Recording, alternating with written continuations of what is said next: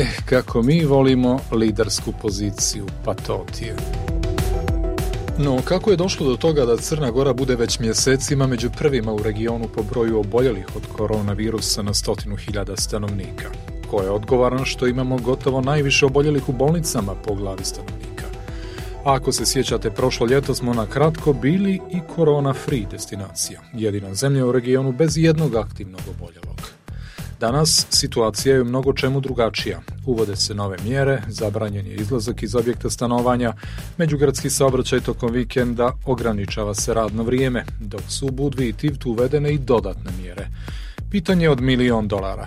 Kako smo došli do ovdje? Kako smo od korona free destinacije došli do zemlje sa najvećim brojem zaraženih? Ja sam Predrag Tomović, a u ovom podcastu Radija Slobodna Evropa govorimo o tome kako smo se vinuli do vrha neslavne liste država sa najvećim brojem oboljelih od covid u regionu i Evropi. Da li je odgovoran sistem, odnosno zdravstvene institucije, inspekcije i drugi kontrolori, ili građani koji ne poštuju mjere za sprečavanje širenja epidemije.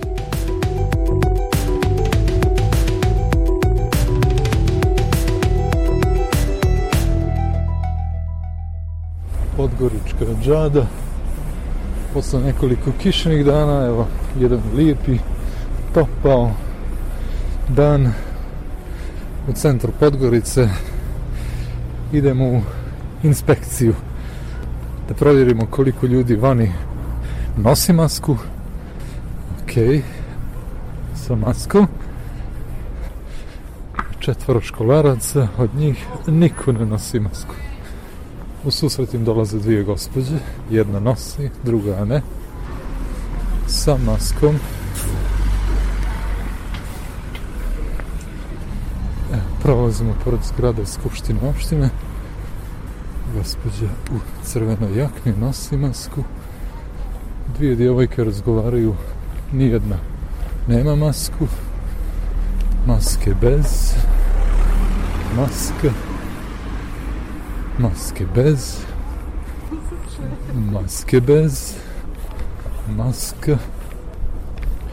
A ne znam, utisak je da možda trećine ljudi koje sam sreo nemaju masku, ostali imaju za sem par trgovine, unutra vidim neke ljude. Svi imaju maske, prodavačica ima masku. Maske, maske, maske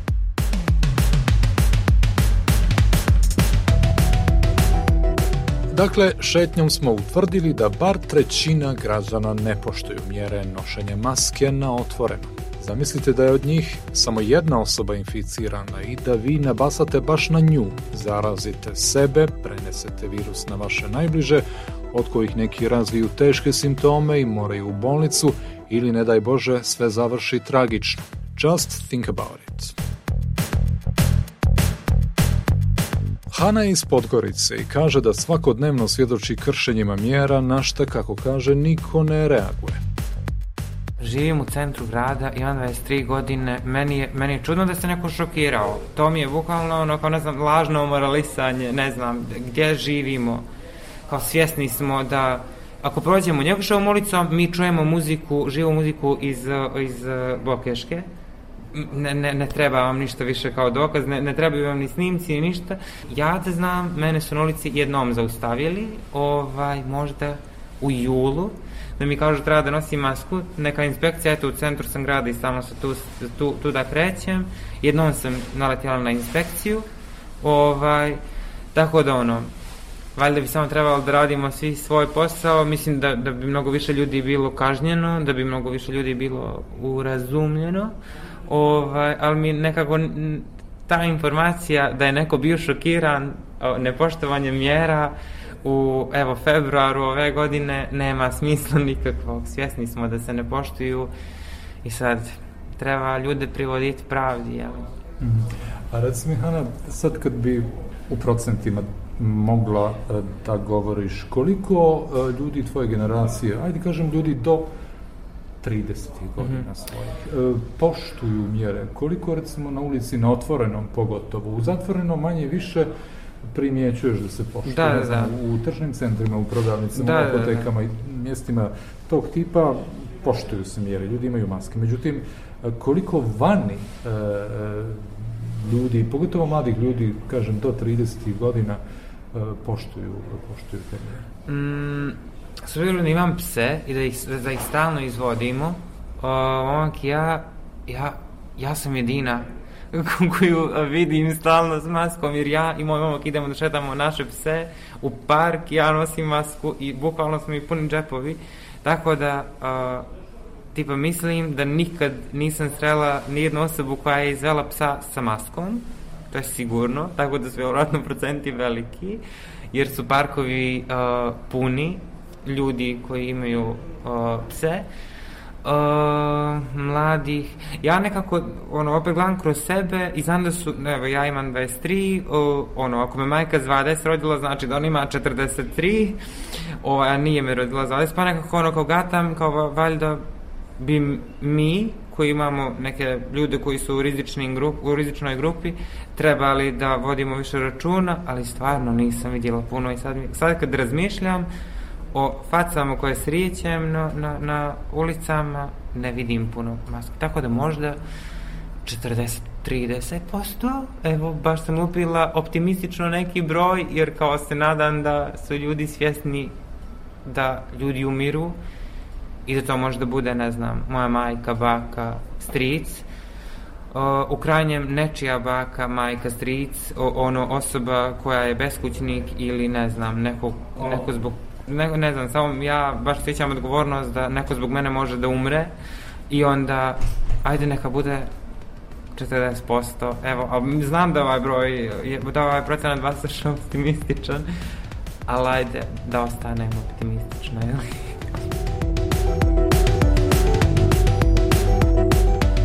Maja radi u prodavnici suplemenata i takođe, poput Hane, primjećuje da se mjere ne poštuju.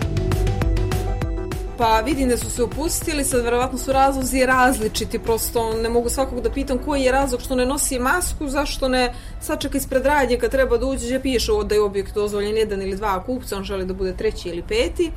A, ali prosto to je neđu njihovim glavama ovaj, da, da, da jednostavno ne prate to evo već godinu dana ne mogu da, da, da sebi kažu da trebaju da, da poštuju te mere, da trebaju da sačuvaju i sebe i druge, ali prosto ta, naš narod je takav da su se opustili i jesu iz razloga što ovo predugo traje, što je mnogima dosadilo, što a, opet ima ona druga grupa ljudi koja smatra da virus ne postoji, što je po meni smešno naravno. Njima još uvek to teorija zavere koja tako kruži po društvenim mrežama, priča se i prepričava, nažalost. Ovaj, ali zašto je to tako? Iz razloga što pretpostavljam ti koji ne poštuju mere i koji ne veruju u virusu, ti, upravo ti ljudi koji nisu e, preboleli koronu, kao što sam evo recimo ja koja to ne krije, i kad nisu osetili sve što taj virus donosi i, i nakon njega šta te čeka još, te posledice koje još uvek vuče, i svi mi koji smo bolovali i što u svom uh, što nisu nikog svog bliskog imali ko je bolovao koronu pa da ih je to negde da su stavili prst na čelo da su se zamislili da ih je to zabolelo na neki način da su imali nekog svog ne da bože respirator ili nekoj težoj varijanti virusa onda bi se verovatno dozvali pameti. Tako da mada generalno generalno se u našoj državi mnogo šta ne poštuje pa tako da se i ne čudim uh, što, što im je teško da nose masku ili da drže distancu da peru ruke. Ovaj, tako da to je neđe moje neko mišljenje. Aha, a recimo, Maja, da li primjećuješ neke, da kažem, ekstremnije primjere nepoštovanja? Ljudi sve više organizuju žurke, a da. pandemija ne da nije na isticaju, nego se zahuktava, imamo veće brojeve. Pa da, da, slabije se sad krećem po kafićima baš iz tih razloga, ovaj, ali bilo je tih nekakvih žurki koje nisu vjerojatno bile odobrene od strane kako se zove, policije, države, zdravstvenog sistema, već kako to ide. E, međutim, s jedne strane mi je žao malo ljudi ili žele da se opuste, ali opet treba, treba da misle o tome da, da, da mogu da izađu posle te žurke bolesni, zaraženi odnosno. Tako da, da, primetila sam, primetila. Nisam se, kažem, opet kretala u, u takvim krugovima, ali videla sam, videla sam da, da se spremaju, da se prave zapravo te žurke i to mi se neđe nije dopalo, naravno. Mislim da, da A da li ti se desilo, osim što se dešava da ljudi ne poštuju uh, dozvoljeni broj osoba u istom trenutku u prostoriji u kojoj radiš, da li ti se dešavalo da ljudi ulaze bez maske? Da, da. to je bukvalno svaki dan i onda dođu i pitaju treba li maska. Ne razumem to pitanje posle godinu dana. Apsolutno ne razumem. Znači, ne želim da ga razumem.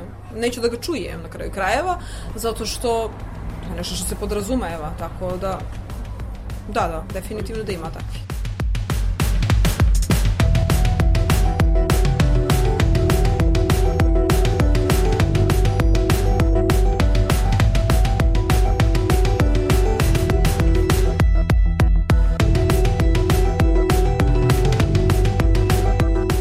Direktor Instituta za javno zdravlje Igor Galić je prije par dana na konferenciji za novinare koja je bila posvećena epidemiološkoj situaciji u državi kazao da oni ne prebacuju odgovornost na građane, ali je ipak istakao da ako oni ne poštuju mjere, struka ne može mnogo da učini na sprečavanju širenja epidemije prva i osnovna uloga mjera koje sve, sve zemlje uvede u stvari da bi zaštitile svoje zdravstvene sisteme, jer e, zdravstveni sistemi usled velikog broja oboljelih koji trebaju da se hospitalizuju ili koji treba da prime terapiju bi ovaj, bile preopterećene, ne bi mogli da pruže adekvatnu uslugu ovaj, e, svojim građanima. E, mjere u stvari služe da bi se usporila, uh, usporio ulazak uh, virusa ili transmisija virusa. One ne mogu apsolutno da spriječe širenje, širenje virusa u jednoj teritoriji ili ulazak u, u jednu teritoriju. I iz toga mi uvijek naglašavamo nije prebacivanje krivice na svako od nas ima svoje odgovornosti ja i kao građanin i kao državni funkcioner ili ovu funkciju koju obavljam kao stručak, naravno da ima svaku svoju odgovornost, ali zaista da bi najbolja mjera koju možemo da uvedemo i građani treba da budu svjesni da, da, da, da su oni ti koji, koji, koji šire i mogu da spreče transmisiju. Bez obzira šta mi uveli od, od, od mjera. Mi možemo da uvedemo zaključavanje kompletno, lockdown, na što bi mi epidemiolozi bili možda i srećni, to bi najviše voljeli da sve zatvorimo i onda znamo ovaj, kako ćemo da iskontrolišemo. Ali, eto, onda ljudi mogu iz, u zgradama između sebe da se druže, razumijete? Znači, pojente u tome samo da građani to, to shvate, nije uopšte prebacivanje krivice, svako ima svoje odgovornosti i prema tome treba da se ponaša.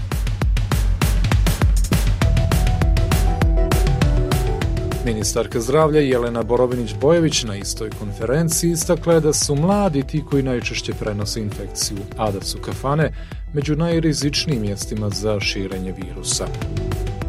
Vi znate da su i ranije muzičari apelovali na to da im se omogući rad, a da je on zapravo bio onemogućen iz razloga što smo imali ogromni broj prijava od strane službe inspekcijskih poslova da se odgovarajuće žurke, odnosno uh, okupljanja dešavaju u tim kafićima uz živu muziku. Međutim, u poslednje dvije nedelje imali smo izvještavanje koje se odnosi na ista ili slična takva okupljanja i bez žive muzike, I u takvim slučajevima, odnosno u takvim situacijama, jasno je da je, trans, da je transmisija, odnosno prenošenje bolesti povećano, da su to uglavnom ljudi mlađe životne dobi, odnosno populacije koji nemaju najčešće ili imaju veoma blage simptome, ali koji kao takvi mogu dalje da ugrožavaju dalje svoje najbliže, a da toga nekada, nažalost, nisu ni svjesni. Na novinarsko pitanje zašto inspekcije strožije ne sankcionišu one koji krše mjere, Ministarka Borovinić-Bojević ovako odgovara. A, to pitanje morate da postavite a, naravno a, upravi za upravo njima, znači upravi za policiju, kao i naravno komunalnim, komunalnoj policiji koja se vi znate nalazi pod pod, ovaj, po, pod opštinama, odnosno gradonačelnicima, oni pripadaju njihovim, njihovim nadležnostima, naravno kao i upravi za inspekcijske poslove. Mi svakako sa njima svakodnevno komuniciramo, mi dobijemo njihove izvještaje na dnevnom i sedmičnom nivou, ali mi kao Ministarstvo zdravlja ne možemo da kontrolišemo rad ovih, ovih institucija. Mi nismo zaduženi za kontrolu njihovog rada, razumijete? Tako da oni koji su zaduženi za kontrolu njihovog rada u konkretno tim institucijama morat će da se ozbiljnije pozabave ovim problemima. Tu prvenstveno mislim na VD direktora uprave policije, naravno, takođe mislim na direktora uprave za inspekcijske poslove, dakle sve one rukovodeće kadrove ovih institucija koji su zaduženi za kontrolu njihovog rada. Priča o koronavirusu je i pomalo, ako ne i pomalo više, politička priča. Opozicijona demokratska partija socijalista krivicu za pogoršanje epidemiološke situacije vidi u Ministarstvu zdravlja, konkretno u ministarki Jeleni Borovinić-Bojović, zbog čega su od premijera Zdravka Krivokapića zatražili njenu ostavku. Saopštili su da je niz neodgovornih i nestručnih postupaka doveo do katastrofalne epidemiološke situacije u državi i prijete da potpuno uruše zdravstveni sistem Crne Gore. Poslanik DPS-a i ljekar Halil Duković kaže da dok stalno rastu brojevi oboljelih i umrlih, iz vlade nema preciznog datuma početka vakcinacije stanovništva.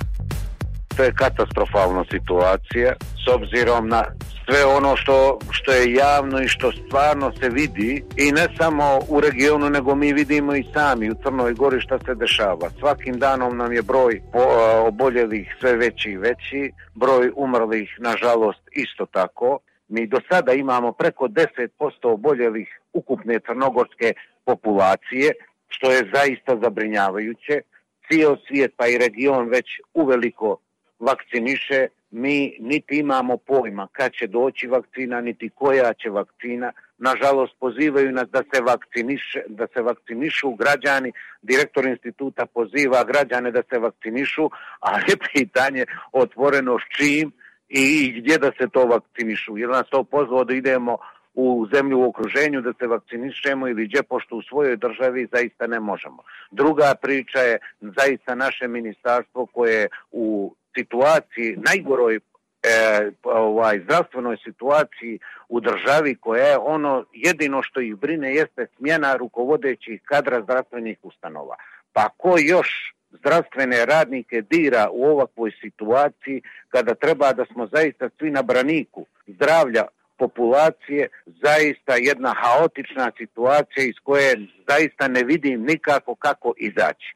To samo govori u prilog to o nesposobnosti ove vlasti da se suoči sa ovom krizom.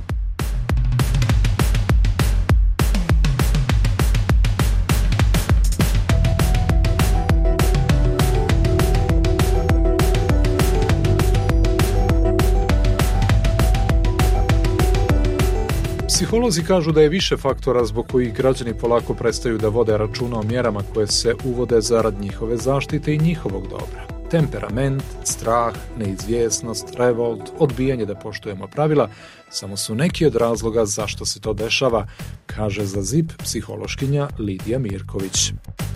Prvo, mi nismo naučeni da poštujemo pravila.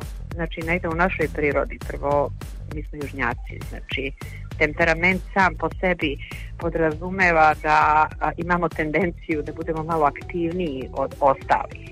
To samo po sebi traži da neka pravila prekršimo da bismo bili u skladu sami sa sobom. Drugo, apsolutno nismo kao nacija nekako spremni da poštujemo niz pravila zato što pravila nisu toliko uglobljena u naš život. Znači negde imamo naviku da kad nam neko nešto kaže da ne može, mi se onda trudimo da dokažemo da može.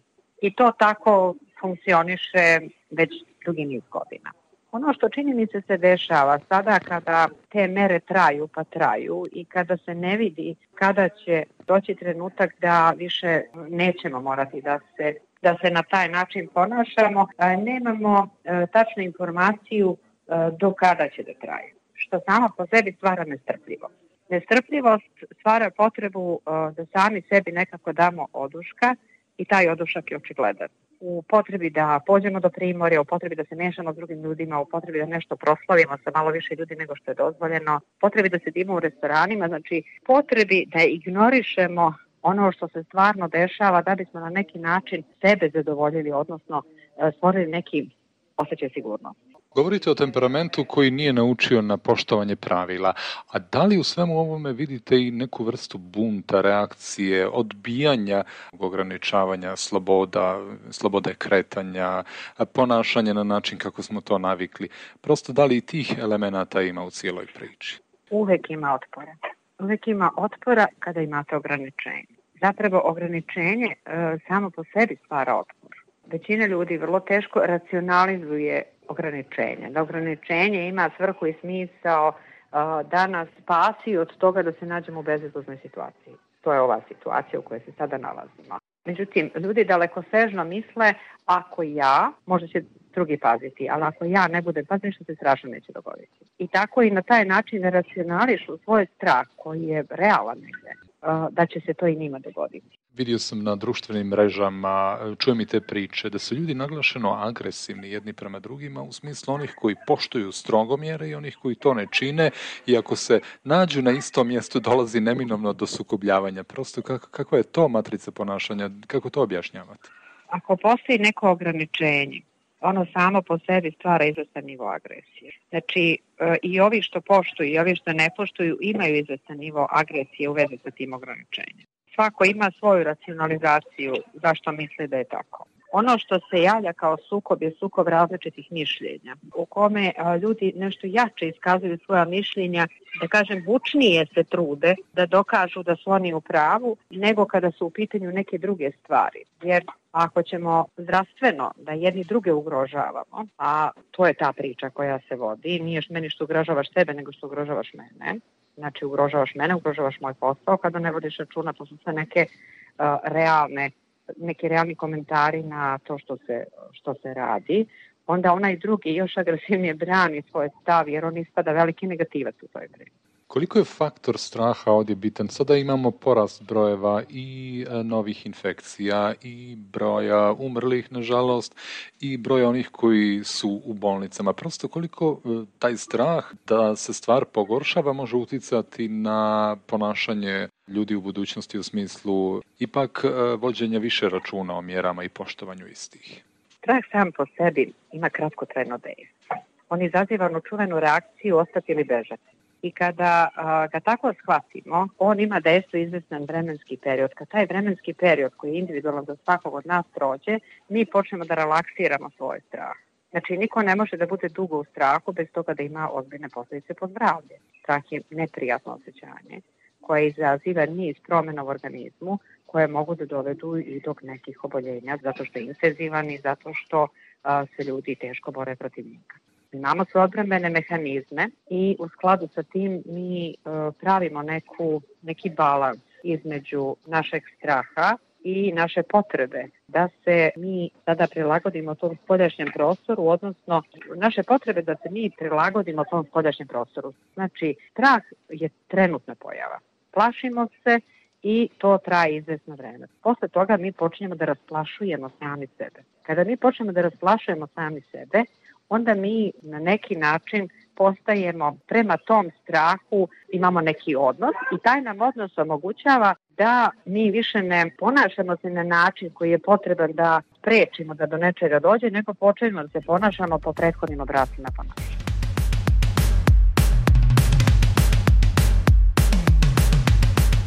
A koliko su zdravstveni sistem i generalno državne institucije odgovorne za to što se ne poštuju epidemiološke mjere? Da dio javnosti odgovornim smatra sistem, a dok iz tog istog sistema, odnosno zdravstvenih institucija, kažu da su to građani koji ne poštuju mjere. E sad me zanima pozicija sistema. Koliko je on po vama danas ovdje u Crnoj Gori moćan da da kažem, disciplinuje građane u smislu morat ćete da poštujete mjere. Svidjelo se to vama ili ne? Ono na čemu bi po meni trebalo raditi, to je da sistem organizovano a, edukuje ljude kako treba da se ponašaju u određenim situacijama. Znači, sada se nalazimo u čemu se nalazimo i sada sve radimo unazad, prosto zato što na to nismo bili spremni, nismo očekivali, nismo imali viziju da ovako nešto može da nam se desi. Ali se već desilo i već imamo problem, očigledno u sistemu ne postoje autoriteti koje smo spremni da slušamo. Znači, e, počnemo, stanemo i zanemarimo. E, moralo bi se napraviti zbog toga što imamo pretpostavku da bi nam se to moglo ponavljati. Imamo činjenicu da to još uvek nije nestalo. Imamo činjenicu da o, sistem mora da obezbedi a, neku edukaciju, neku zahtevnu komunikaciju sa pojedincem i sa čitavim društvom koja će biti adekvatno isprećena. Znači, sada više ne možemo reći, e sad nam se ne sviđa ovo ili ne sviđa nam se ono. Moramo odrediti šta je to što će biti naša obaveza, šta je to što će biti naš oblik ponašanja da bismo zaštitili to što se može zaštititi, da ne bi dolazili u neprijatne situacije, ni mi, ni ljudi oko nas. I već imamo mi neki odgovor pojedinca koji se vidi u tržnim centrima, u velikim prodavnicama gde ljudi e, ipak isprate i tu distancu i masku. Naravno, ima pojedinaca koji uvek rade nešto naopako. Toga se verovatno nikad nećemo ni osloboditi. Ali izvestan broj ljudi je na neki način već napravio neko lično disciplinovanje. Sada to samo treba napraviti kao sistemsko disciplinovanje. Znači, kada određeni ljudi koji pokrivaju određena radna mesta, znači infektolozi koji se time bave, koji nas posle leče kad dođemo u tu situaciju da nam je ta pomoć potrebna, budu ljudi koji će nas informisati redovno o tome šta sve može i na koji način i e, da budu neki autoriteti u preventivi našeg fizičkog zdravlja. I naravno u to bi se morali uključiti i psiholozi, jer preventiva mentalnog zdravlja je nešto što bi oni trebali da rade i da utiču na svest ljudi da na određene načine moraju da se ponašaju u određenim situacijama, prosto da bismo sprečili da stalno simultano ponavljamo iste greške i da bismo sistem za sve učinili prijatnim.